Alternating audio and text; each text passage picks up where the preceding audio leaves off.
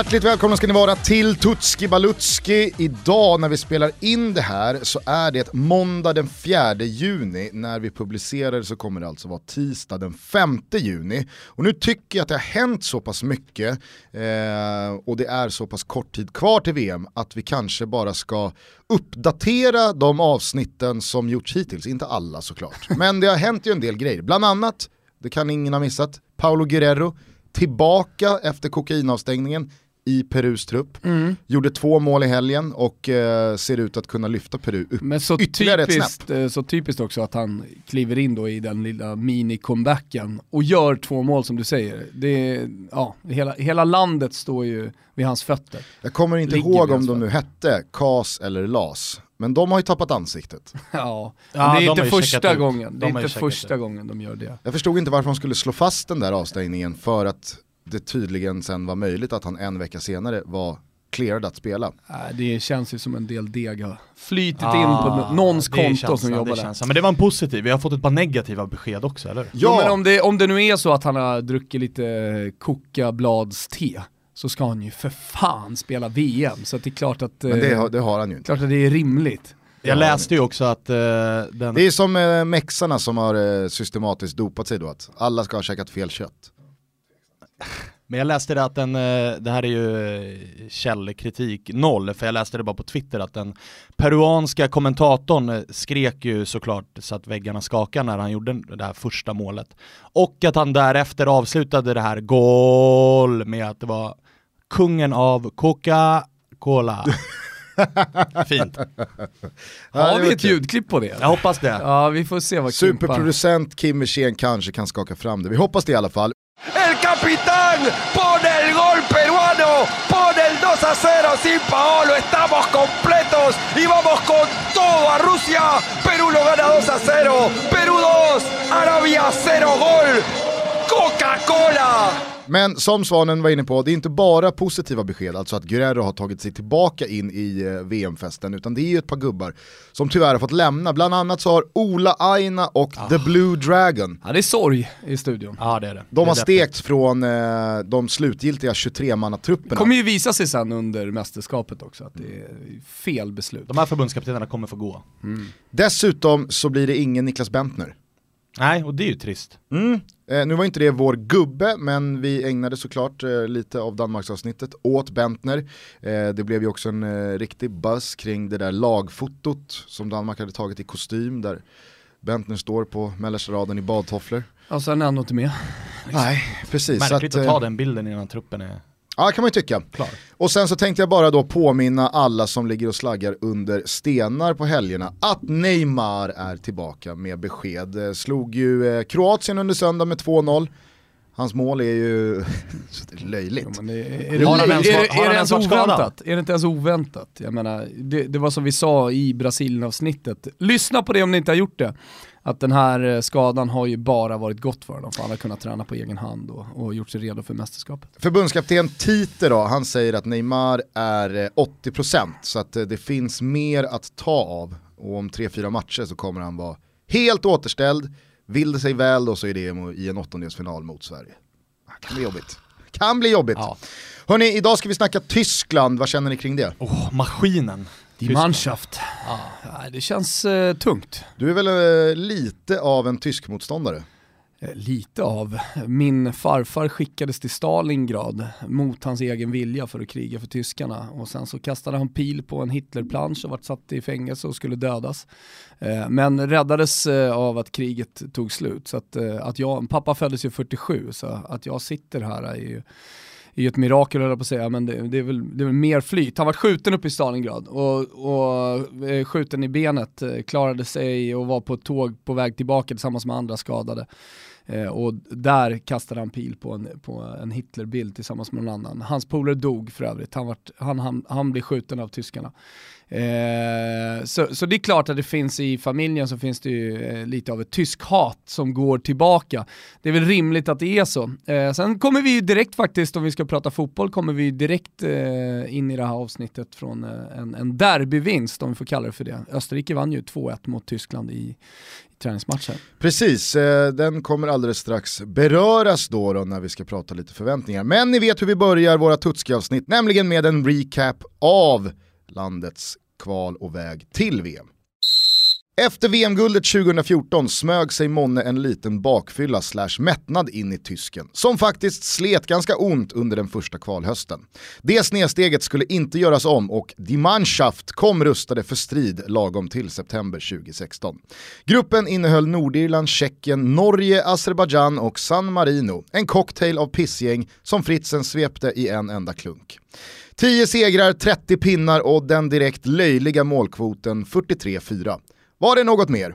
Ja, det anmärkningsvärda var dock att trots hela 43 gjorda mål var Sandro Wagner bäste målskytt med ganska blygsamma fem.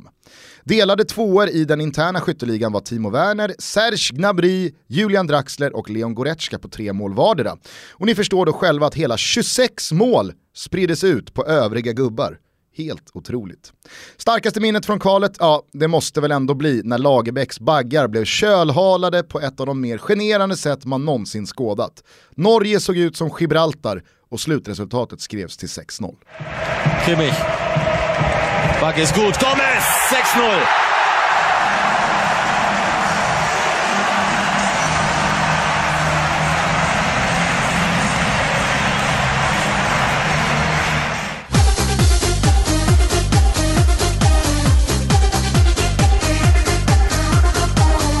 Det man tar med sig från det där är ju det du är inne på, alltså den sjuka bredden de har. Eh, Tyskland är ju som vanligt en av favoriterna till att vinna, men jämfört med övriga så saknar de ju enligt mig den här stora, stora stjärnan, utan det är ju verkligen det här laget och den här bredden de har som är, den är löjlig.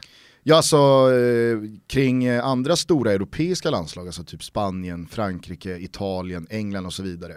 Sätter man sig inför ett kval på tio omgångar och ska gissa en startelva till varje match, ja men då kommer du nog ganska nära elvan många gånger. I Tyskland, du kan ha fem fel. Ja, Du ja, ja. sex fel. Exakt, och det är det som är, det är löjligt med det här laget. Nej, men, och vi har ju pratat om det när vi har snackat om eh, matchen mot Sverige, den andra, så viktiga. Att, eh, och Gusten har varit inne på det när han har pratat med Adam Nilsson, eh, att eh, han kan komma och rotera Jogi Löw eh, och liksom känna på det här, för de planerar ju att gå långt. Och då kan det vara bra att hitta liksom, en rotation och olika sätt att spela på och byta se- spelsystem. Och han är inte rädd för det heller, det har ni visat tidigare. Nej, jag ska säga det. Eh, tack till Adam Lillpölen Nilsson här. Jag har konsulterat honom ordentligt inför det här avsnittet så att han ska få sig en shoutout i eh, den här episoden, verkligen. Följ honom på Twitter, AT Nilsson. Adam Tony Nilsson heter han va? Tony. Eh, om ni vill följa Sveriges bästa tyskkännare. Men eh, det var ju ett kval som aldrig innehöll någon som helst tvekan. Det fanns ju inte en halvlek tror jag som Tyskland inte vann. Nej. Det säger ju en del.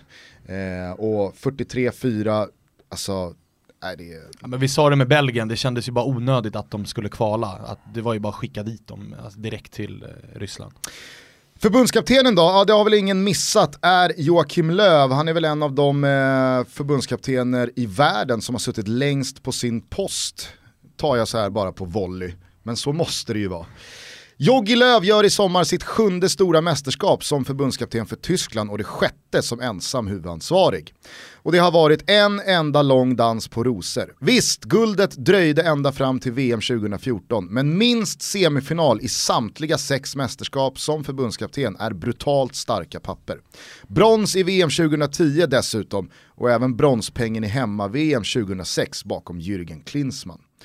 Han har ju annars gjort sig ökänd på grund av sina ytterst märkliga och inte speciellt trevliga tics, där han med fingrar och händer besökt diverse kroppsöppningar för att sedan snabbt undersöka såväl lukt som smak. Att det hände en gång förstod nog världen, men med tanke på rabaldret som uppstod var gång två och gång tre och gång fyra högst anmärkningsvärda. Vilken kroppsdel utforskas i sommar? Han förlängde sitt kontrakt nyligen till 2022, men detta är mer kutym än konkreta beslut på att det blir en fortsättning. Jag tror att om Tyskland åker inom semifinalen, inom parentes alltså floppar, alternativt vinner sitt andra raka VM-guld, så kommer Jogi Löw att kliva av. Det har snackats en hel del klubbfotboll de senaste två åren, och lite bonusinfo, Jogi Löw har blivit av med körkortet två gånger. Oj. Från ingenstans. Ja, jag tycker jag ska avsluta Ja, eh, vem den här fan har inte profilen. blivit det? Nej, men eh, alltså med, med Jogi Löw, känslan är bara för att ta det där med klubbfotbollen, är att snart måste han ju in där. För att eh, man, man, blir ju lite kutryggig och, och, lite gammal av att sitta för länge på förbundskaptensposten. Jag menar annars är det ju normalt så att man gör sin, eh, sin eh, klubblagskarriär och sen så på ålderns höst höll jag på att säga, men lite senare i alla fall i karriären när man har gjort en hel del eh, så, tar man sig, eh, så tar man sig till eh, landslaget. Kolla på Mancini nu till exempel, tycker att det är rimligt när han kommer till Italien. Men det finns många tidigare också, Lippi till exempel som tog det italienska landslaget. För att jag tror att man har ett jävla driv som tränare. Har du varit aktiv spelare, har du kommit in i eh, liksom, tränaryrket, det här med att leva sitt jobb eh, 24-7 verkligen, så, så är det svårt att liksom, ta sig ur den bubblan.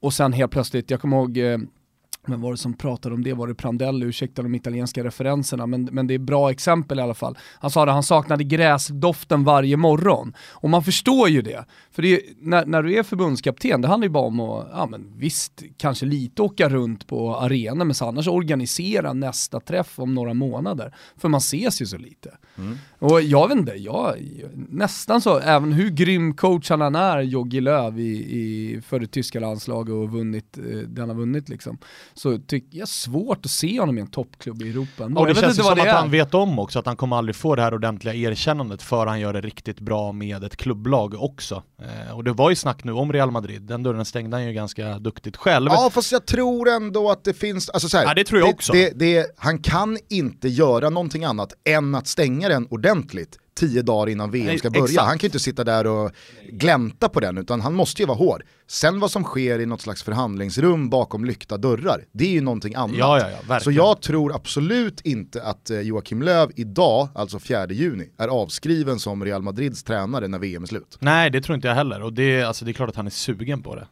För jag tror att när Zidane som en blixt från en klar himmel klev av och Real Madrid helt plötsligt vart lediga, då tror jag ändå Löv kände att mm, när sker det här nästa gång i samma veva som jag eventuellt kommer avsluta ett mästerskap med Tyskland. Är det våran livlina också mot Tyskland nu här, att Jogi Löw har tankarna på annat håll? Men med tanke på vilka ambitioner och vilka mål toppklubbarna har och hur många de är och hur få titlar man kan vinna. Eh, kollar man på de senaste åren också, ser tränarruljansen så är det inte helt otänkbart att det kommer ett stort jobb ledigt snart för Jogi Löw.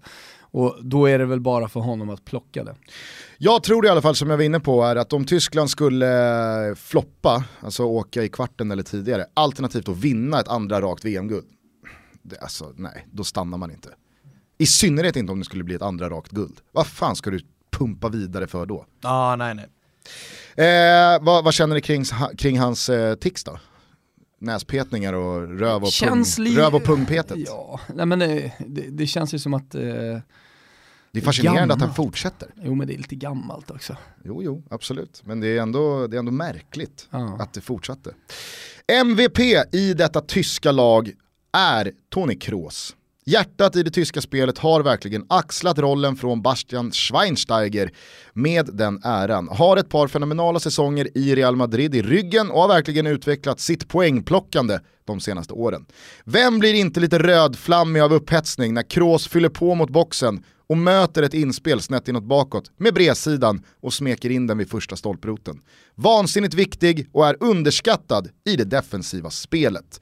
Jag eh, bollade upp då Mesut Özil alternativt Thomas Müller till Pöler då, men eh, han var stenhård där. Nej, nej, nej, nej. nej. nej, nej, nej. Tony Kroos är verkligen det här lagets absolut viktigaste spelare. Och när Pöler sätter ner foten, då sätter fan Pöler ner foten. Eh, men vad säger ni om Tony Kroos?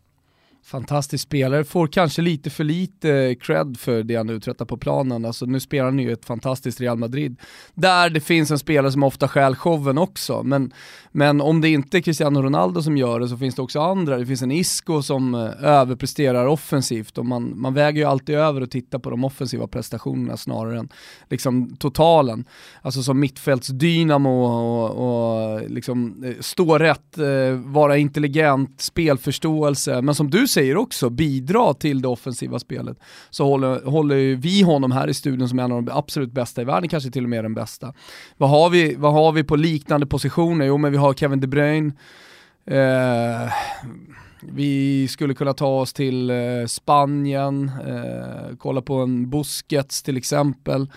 Eh, som, en, som kanske är ytterligare, jag vet inte, men, men alltså det, jag ska inte gå in så detaljerat på positionerna, men han gör mer ett defensiv jobb än vad han gör. Men Busquets absolut som en central mittfältare där uppe, en av de bästa.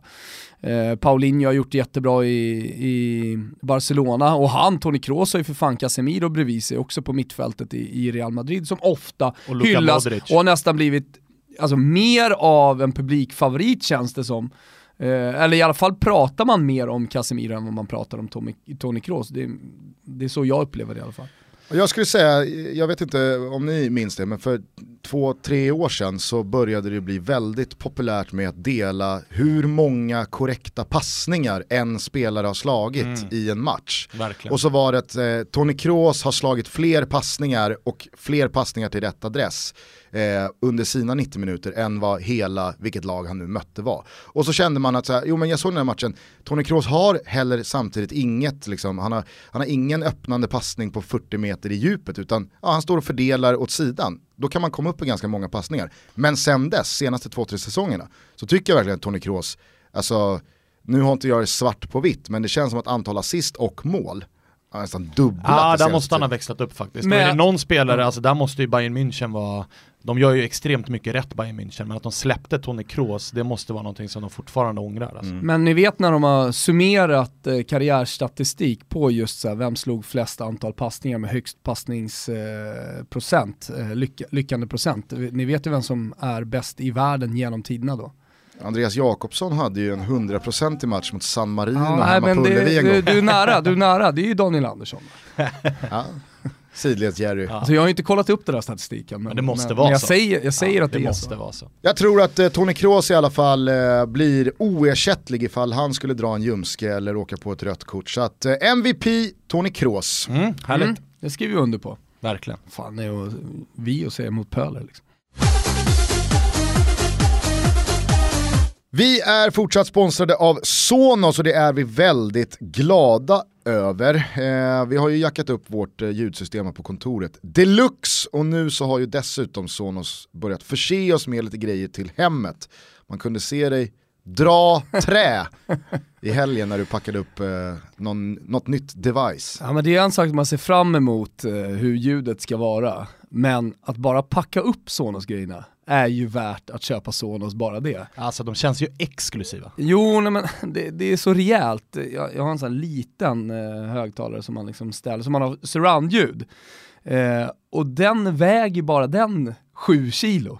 Och man, man vet att saker som väger, det är kvalitet. Alltså En grundregel. när det kommer till ljud så är det tvärt emot när det kommer till fotbollsskor.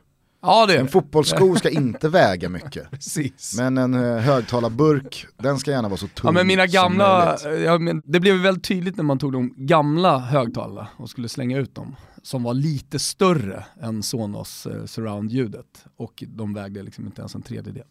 Idag vill vi i alla fall slå ett slag för att det är otroligt lätt, och det kan vi själva vittna om, att switcha mellan de olika ljuden i sina system, alltså gå från tv-ljud till musik. Varför inte i samband med en VM-match som sen övergår till ett eh, party, en liten hemmapärla. Ja men man börjar dagen, kanske lyssnar på eh, nya Toto Balutto, nya Tutski och sen så sätter man på tvn, då lyssnar man eh, tv-ljud och sen så efter så är det hemmapärla som du säger Gugge och så har man lite trevligt med god musik. Hörni, gå in själva på sonos.se och eh, flanera runt lite bland deras tunga upp mot 10 kilo, 20 på vissa, Ja. tunga eh, högtalare och lådor och boxar. Och, vad heter din? Din heter något sånt här fräsigt. Den som jag har som är, som är någon slags eh, general för ljudet hemma, det är den som bestämmer, det är den som låter mest. Den heter Playbase, heter den. Playbase. Jajamensan, den står under min tv, som sagt, som en general. In och kika på vad ni skulle vilja jacka upp era hem med och vi säger tack till Sonos. Hade inte Joshua Kimmich redan slagit igenom på högsta nivå, alltså i Bayern München, hade jag nog landat i honom. Men Leon Goretzka har verkligen kommit starkt under samma period, fast i en något mindre klubb. Född 95 via Bochum till Schalke och sedan säsongen 15-16 en given hörnsten i laget som onekligen har något på gång.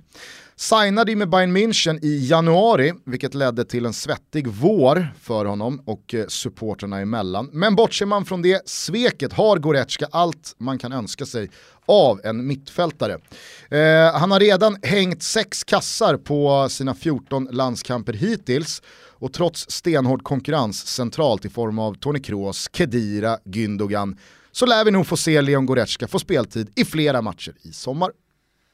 Ja, Goretzka har verkligen kommit starkt. Du pratar om klubblagskarriären med Schalke såklart, men i landslaget. Eh, han var ju, tycker jag, eh, den bästa spelaren under Confederations Cup. Eh, Tyskland vann ju den som ni känner till med lite av ett B-lag. Och då kändes ju Goretzka som en spelare som kanske skulle få det tufft att komma in i, i, i den slutgiltiga 23-mannatruppen, alltså för ett år sedan. han gjorde tre mål. Uh, han, uh, jag, jag, vet inte om han varit uh, framlyft, höll jag på att säga, men framröstad till den bästa spelaren, MVP, liksom för hela Confederations. men jag vet i alla fall att snacket efter var liksom, shit, Goretzka, det här är en riktigt bra spelare. Han var med i OS också, så att han har ju varit med i de här tyska B-lagen lite eh, och, och, var faktiskt kapten för det tyska landslaget eh, i, i första matchen mot Mexiko som han vann. Men drog på sig en Salah-skada. Han pajade axeln och missade resten. Det är ju lite trist att han går till just Bayern München, de gör ju det allihopa. Man hade hell man, jag hade hellre velat se honom gå till kanske England eller till Spanien eller något sånt, men, men det är ju återigen en sån här tysk gubbe som de får fram som är en sån här komplett mittfältare, han är inte dålig på något. Framförallt så är ju Bayern Münchens manifestering här i sin maktposition total när man ja. för tredje, fjärde säsongen i rad signar konkurrerande topplags eh, bästa spelare. Inte bara för 300 miljoner utan det är alltid också via free transfer. Ah, så ja, de går ja. som, bossman som bossman i januari och så ska de spela hela våren som att ja visst jag sviker supportrarna och den här klubben och bla bla bla men vad fan. Jag, skitsamma, jag, jag ska till Bayern alltså. Men då, då, måste jag ju fråga dig, har du ringt vår gubbe och lyssnat lite extra då på djupet kring eh, Goretzka? Vem är vår gubbe i det här sammanhanget? Vi har ju en tröja här ute, en Bochum-tröja med ja. Mattias, eh, Mattias Concha. Ja men sen Concha lämnade Concha sport, sportchefsjobbet i Öster så känns inte han ganska kall? jo, han är lite kall. Han kanske hade är han Concha relevant som... längre? Ja, men tänk, om, tänk, tänk om Concha var Goretzkas idol när, när Concha spelade i Bochum. Alltså, ja. Hade ju varit skithäftigt. Ah, ja. Som, eh, vad fan var det var som var det då? Jo, eh, Ander Herrera i United. Just det, Gary Sundgren. Gary Sundgren som ja. idol när han var liten. Eh, det kan gå fort det där. Eh, men Leon Goretzka, håll ett extra öga på honom. Jag tror att det fortfarande är ganska många i och med att Schalke inte har spelat i Champions League eh, den här säsongen. Bundesliga sänds inte på någon tv-kanal utan man kan bara klicka fram den via Expressen. Eh, så känns det som att nu kommer världen få upp ögonen för Leon Goretzka. Dels VM och sen så väntar Bayern München då. Så att... Ja exakt, och som Thomas var inne på här och du Gusten, att eh, tyskarna, han, är ju, han kommer ju rotera under gruppen så han kommer ju få speltid där. Ja, vad gäller snackisen i eh, Tyskland så är det såklart eh, petningen av Leroy Sané när Jogi Löw nu under måndagen bantade truppen från 27 till 23. Ja exakt, det är 23 i varje trupp. 32 eh, lag i VM, 23 i varje trupp. Precis, för det har ju varit ett par röriga dagar i och med att det tyska förbundet läckte en poster eller en affisch på 23-mannatruppen. Och då saknades Kevin Trapp, målvakten, eh, Mreta, Sebastian Rudi och eh, Nils Petersen. Mm. Men eh, Jogi Löw och Oliver Bierhoff dundrade ju ut på presskonferensen att ja, men det här är fel, ingenting är klart än, eh, jag tar ut eh, den slutgiltiga slutgiltiga truppen på måndag och till dess har alla chansen. Och nu visar ju verkligen eh, Löv att eh, det stämde. Det stämde, alltså den läckta bilden, eh, det, det, var inte de som skulle missa. Men eh, det blev eh, en stor snackis.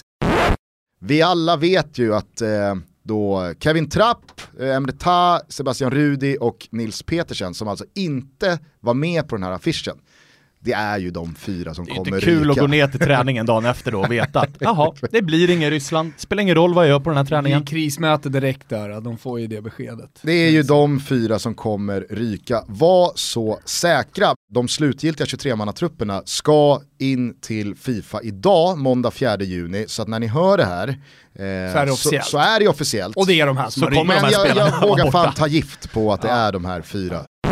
Och det är en stor snackis och kommer kanske vara om Tyskland gör ett dåligt VM också. Ja men verkligen, att det blir eh, Kevin Trapp eller Bernt Leno. Ah. Det är ömsom vin, ömsom vatten, spelar roll. Emre Can, Nils Petersen, ja, Ah. det spelar inte så jävla stor roll. Men att man alltså flyttar på Leroy Sané efter den här säsongen i Manchester City där han har varit en av de absolut bästa eh, och står för ja, men, eh, en en mot en eh, dimension som ingen annan besitter skulle jag säga i det där tyska laget. Absolut så är det inte. ju högt spelat. Ja det är jättehögt spelat. Eh, om man tänker på att eh, Tyskland då som gillar att rotera, vi pratar jättemycket om det, eh, att man ska ha olika vapen i arsenalen, som man ser på 23-mannatruppen, kanske ännu mer än vad ett landslag som Sverige gör, där det ska vara stabilt och det kommer vara mångt och mycket samma elva spelare, förutsatt att alla är fräscha och i fysisk form som kommer ställa upp, så vill man i Tyskland då ha olika vapen att slänga in beroende på, på motstånd. Att ha eller inte ha en Leroy Sané, det tycker jag i alla fall gör skillnad. Och det tycker väl en hel fotbollsvärld. Kan du komma på någon trupp där han inte skulle ingå? Alltså i hela VM, alltså Brasilien, ta ett, Ja, eh, ett kanske. landslag då. Eller eh, Argentina, ja, där skulle han gå upp mot Di Maria. Ja. Eh, Fast han kan fortfarande vara bakom Di Maria ja. I en trupp. Man tycker det. Så att, eh, ja, jag vet inte, det känns ju nästan som att eh, någonting ska ha hänt här, att Men- någonting som eh, eventuellt ska ha skurit sig mellan honom och Löv. Vad vet jag, vi kan i alla fall bara konstatera att det här är, alltså, Ja, men det här är newsflash, det är this just in så att vi kan väl räkna med att eh, kommande dagar från tyst håll och därifrån kommer snackas en hel del om den här petningen. Jo, och Jogi Löw kommer ju få prata om det här och han har säkert någon tanke bakom såklart. Eh, om det är en schism eller om det är av taktiska skäl, det, det återstår att se. Men det är ju alldeles oavsett eh, en snackis som är här och nu, men också som kommer följa Tyskland genom eh, mästerskapet.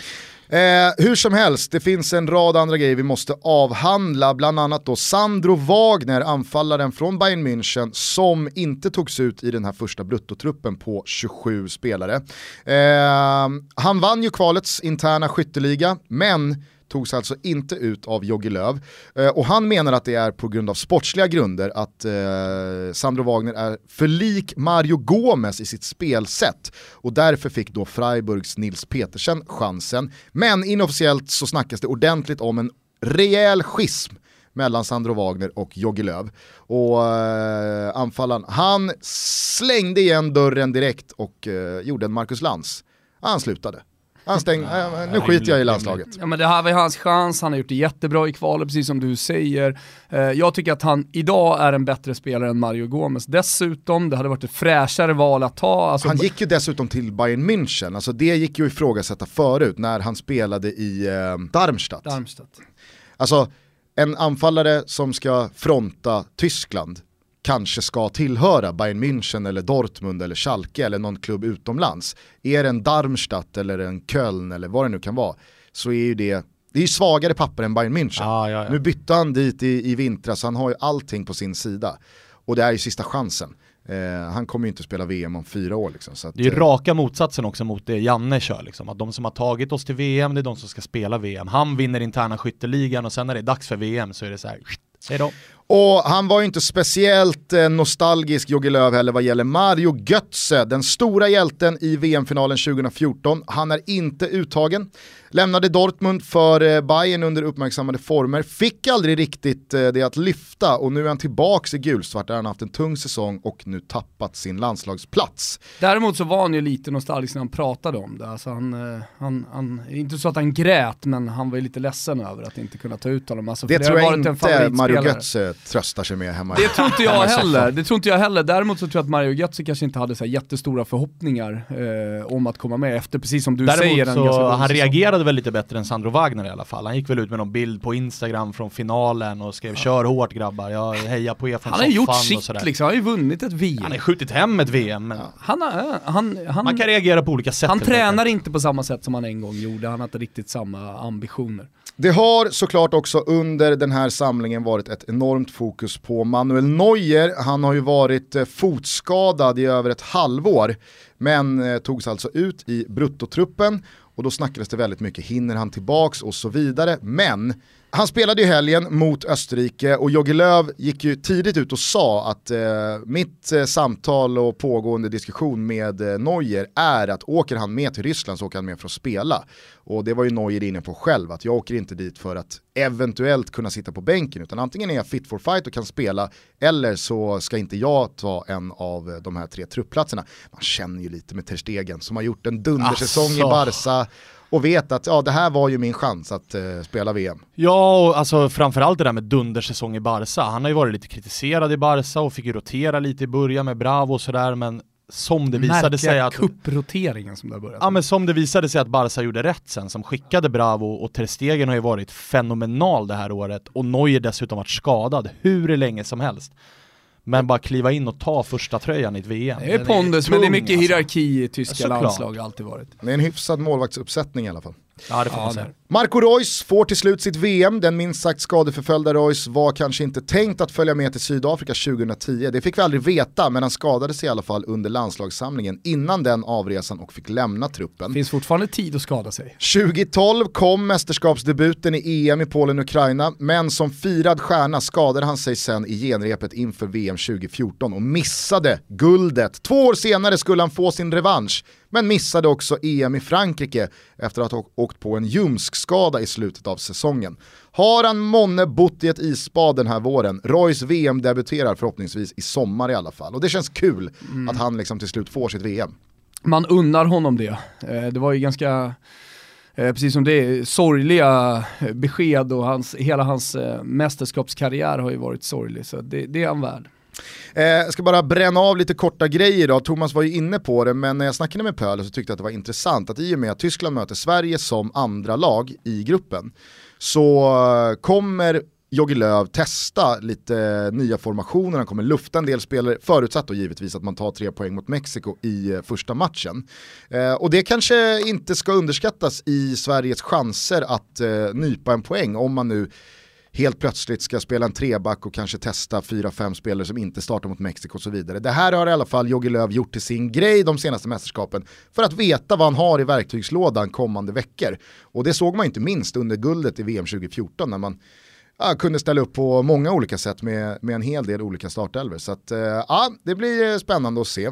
Vad gäller just Sveriges eh, status i Tyskland så var det ju väldigt många tyskar som var helt övertygade om att Zlatan skulle då återvända och spela och att man då kände att det är inte bra. Men man firade hans definitiva nej ordentligt. Ordentligt vet fan. Det var ju du lät som folk gick man i huset Men på låt torget säga med att de- bengaler. och- Låt säga att de firade Och ordentligt. knöt en näve i alla fall. Men man har sett ett par bra firande i Tyskland. Ja. Såg ni efter eh, Frankfurts cupguld här? Ja, oh, Helvete herregud, vilket alltså. firande. Hur som helst, det sista då. Eh, det paradoxala i Tysklands skepsis kring Sveriges landslag, i och med att de har räknat bort oss nu när Zlatan har tackat nej, är att det innehåller Ludvig Augustinsson, eh, Emil Forsberg och Albin Ekdal som alla tre har ett väldigt, väldigt eh, starkt rykte och hög aktie i Bundesliga. Framförallt Ludvig Augustinsson har ju tagit eh, Bundesliga och eh, tyska fotbollsintresserade personer med storm. Är det så? Hade ingen aning om. Eh, där, jag tänkte att det var Foppa som var, som var den som eh, man snackade om. Ja men backar man eh, kalenderbandet ett år så var det ju såklart det. I och med att Leipzig kommer upp, blir tvåa, eh, Forsberg gör vadå, 22 assist och 8-9 mål. Eh, den här säsongen har ju både Leipzig och Emil Forsberg hackat lite mer. Men Ludvig Augustinsson har ju varit eh, Werder Bremens bästa spelare. Så är han ju också ytterback. Hur mycket pratar man om den svenska ytterbacken i Werder Bremen? Det var bara det jag reagerade på. Men absolut, alltså om man har gott rykte och, och liksom hög status i, Jag tror att det är i, i Bundesliga så Eh, absolut, jag Ja. menar om ingen annan bryr sig om Bundesliga förutom tyskarna så är ju de då, eh, precis som många andra som älskar sin inhemska fotboll, eh, har ju koll på precis alla. Så är det liksom en liten hipsterspelare, någon som går väldigt bra även på en ytterbacksposition så är det klart att han kan bli en snackis och speciellt då inför en sån match mot Sverige utan stora profiler. Och inför den här säsongen så hade väl redan både Emil Forsberg och Albin Ekdal ett bra rykte och alla visste att det här är bra spelare, de har bevisat sig. Medan eh, Augustinsson var väl lite mer fortfarande in och ut ur den där, eller han var lite mer, eh, vad ska man säga, oprövad. Nu har han verkligen bevisat sig.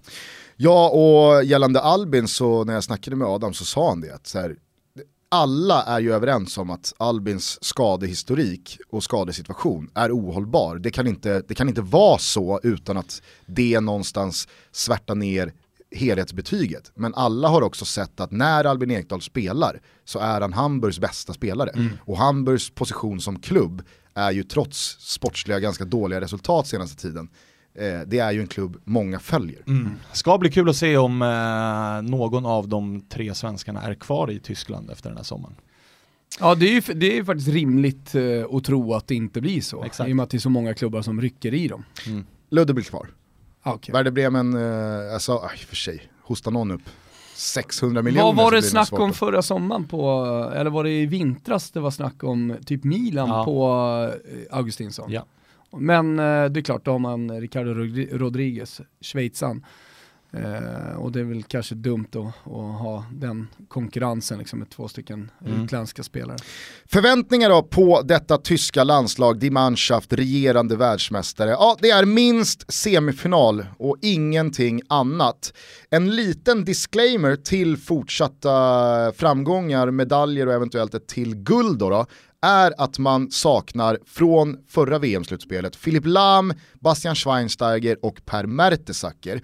Det kanske inte är 2018 liksom så här, jo men vadå, deras spelare nu är ju lika bra, men jag tror inte man ska underskatta att ha en sån ryggrad i ett lag med så mycket erfarenhet, eh, med liksom en sån hög lägstanivå.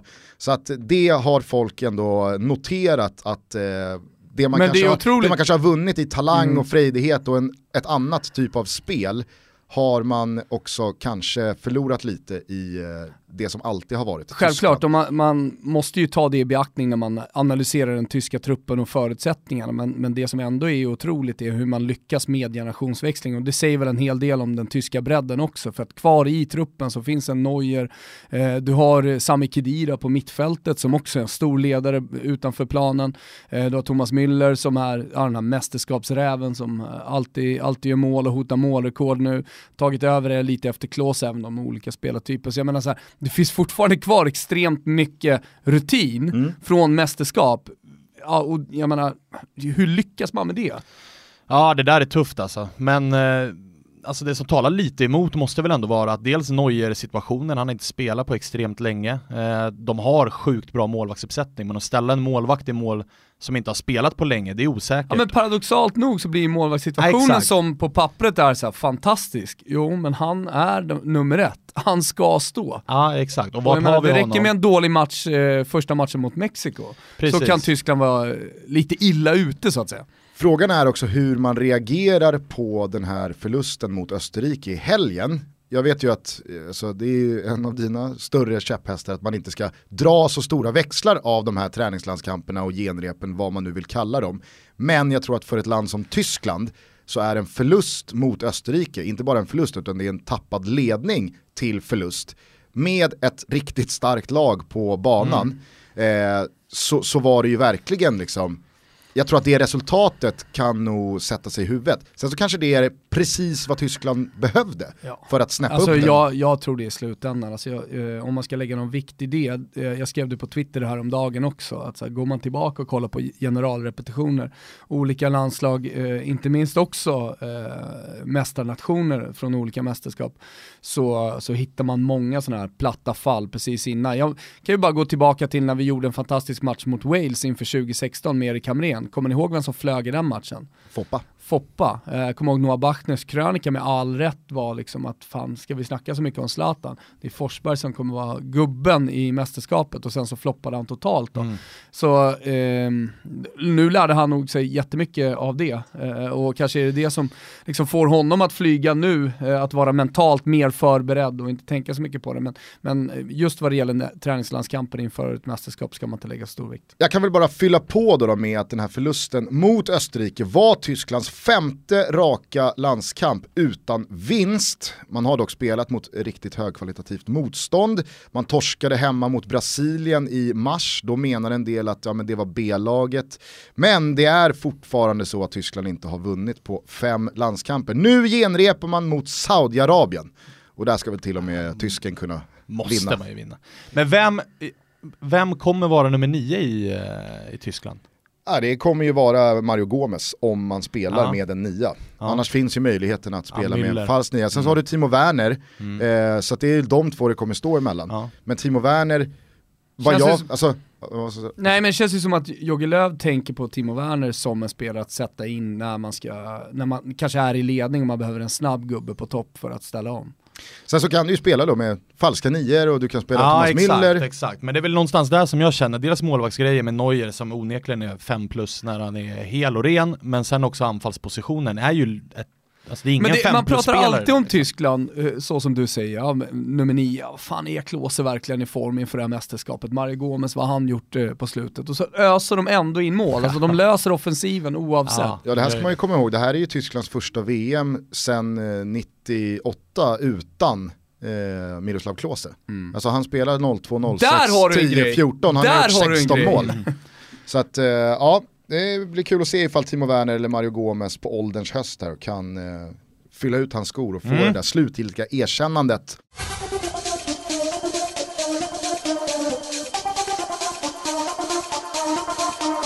Vem tror ni är vår gubbe då? Oh, den här är tuff alltså. Mm, jag skulle säga att det här är, det här är kanske... Det är, den, den Marvin Plattenhart. det är Jonas Hector. Ah. 28-åringen förlängde nyligen sitt kontrakt med sitt älskade, redan nedflyttningsklara Köln. Och han har inga planer på att lämna klubben i sitt hjärta trots degraderingen ner till Zweite Bundesliga. Han har varit Köln trogen sedan 2010 och är, säger jag, våran jävla mest älskvärda gubbe hittills. Ja, den är given. Eh, man gillar ju lojala spelare. Det, alltså, jag följer ju inte Bundesliga svinmycket så att jag har inte superkoll på vad det är för spelare, men den storyn gör ju att jag tar in honom i mitt hjärta direkt. Han äh, har ju blivit Mr Pålitlig, Eh, man kallade honom för det i någon eh, tysk, eh, eller någon, någon eh, lokaltidning i Köln vid något läge. Så, det beskriver väl tycker jag, Jonas Hector, bäst av allt. Alltså han är en pålitlig spelare, du vet vad du får, han gör sällan en dålig match. Ja, men, det kommer säkert vara så eh, under sommaren här, men kommer se den här ytterbacken starta någon match och sen så kommer han sitta vid sidan av någon match och det kommer inte vara något gnäll. När han spelar så kommer han vara Tre starka plus. Ja, och sen så är det ju enkelt att vara, många spelare blir ju hyllade för att, vara, alltså för att förlänga med klubben i sitt hjärta, men det är ju enkelt att göra det när det är klubbar som är i toppen. Alltså det, det, det är din uh, moderklubb och det är staden där du är uppväxt och du har familjen där och du vinner titlar. Då är det en sak. Men att göra det i en klubb som dessutom åker ut, det gör det ju bara det ännu större. Ja, men sen så är det en sak också, eh, vad vet jag om du är 21 år och du har precis gjort en fantastisk säsong, eh, alltså du följer med ner. Men Jonas Hector, han är ju trots allt 28. Så jag menar så här, han hade ju kunnat haft ett fyraårskontrakt med en tysk toppklubb.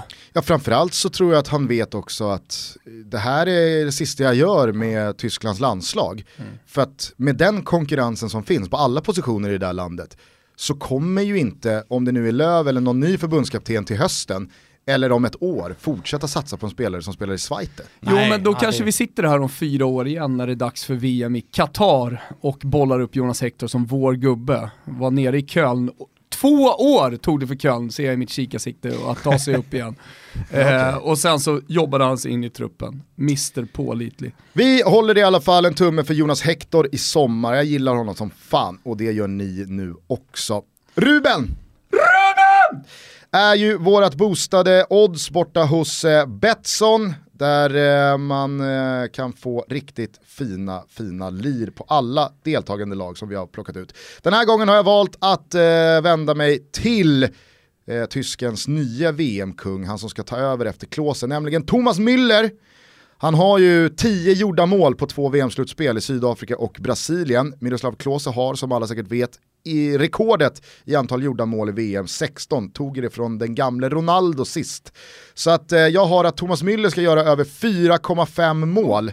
Det tar honom i sådana fall upp till minst 15, Klose står på 16, det kan ju bli en intern strid här. Man vet ju att skulle Müller lösa det här så lär väl då den eh, hjälptränande förbundskaptenen, eller man ska säga, Miroslav Klose, han har någon luddig roll i, eh, i staben.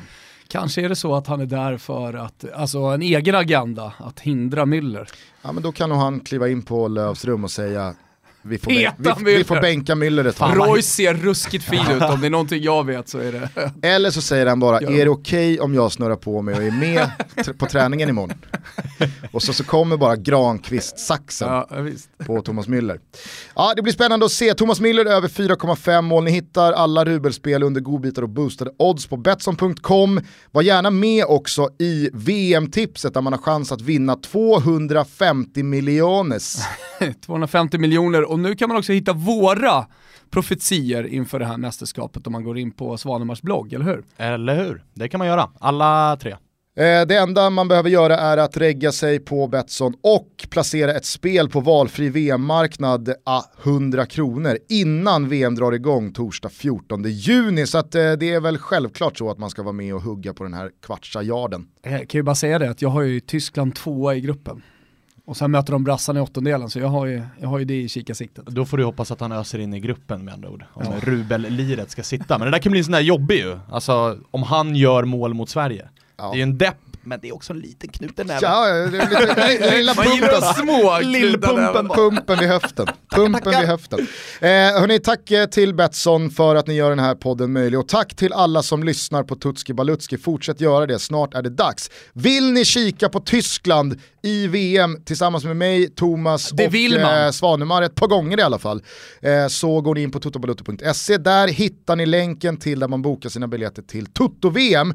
Tyskland kan man ju bland annat se mot Mexiko under den fina fina dubbelmackan söndag 17 juni. Då är det först Tyskland-Mexiko och sen brassarna mot Schweiz. Eh, och sen så kan man ju fira midsommar lite längre, man kan liksom förlänga den härliga högtiden genom att infinna sig på Kung Karl eh, under midsommardagens kväll då Sverige möter Tyskland. Det blir ju en magisk match. Ja det tror jag att det kan bli. Lite bakfulla tyskar, lite bakfulla svenskar som sitter och kollar på Kung Karl. Kul! Och så kan vi väl säga att eh, biljetterna till de här eh, tillställningarna går verkligen åt. Ja de gör det, alltså vi har ju valt att hålla det lite intimt så vi släpper eh, 100 plåtar per dag och det är läge nu med bara vad är det, 11 dagar kvar till eh, premiär när vi sitter här idag, eh, att gå in och boka sina platser. Så gör det! Vi ses på Kung Karl, fortsätt lyssna på Tutski, tack för att ni har lyssnat, vi hörs imorgon igen. Na zdrowie. Na zdrowie. Fuck Bremen.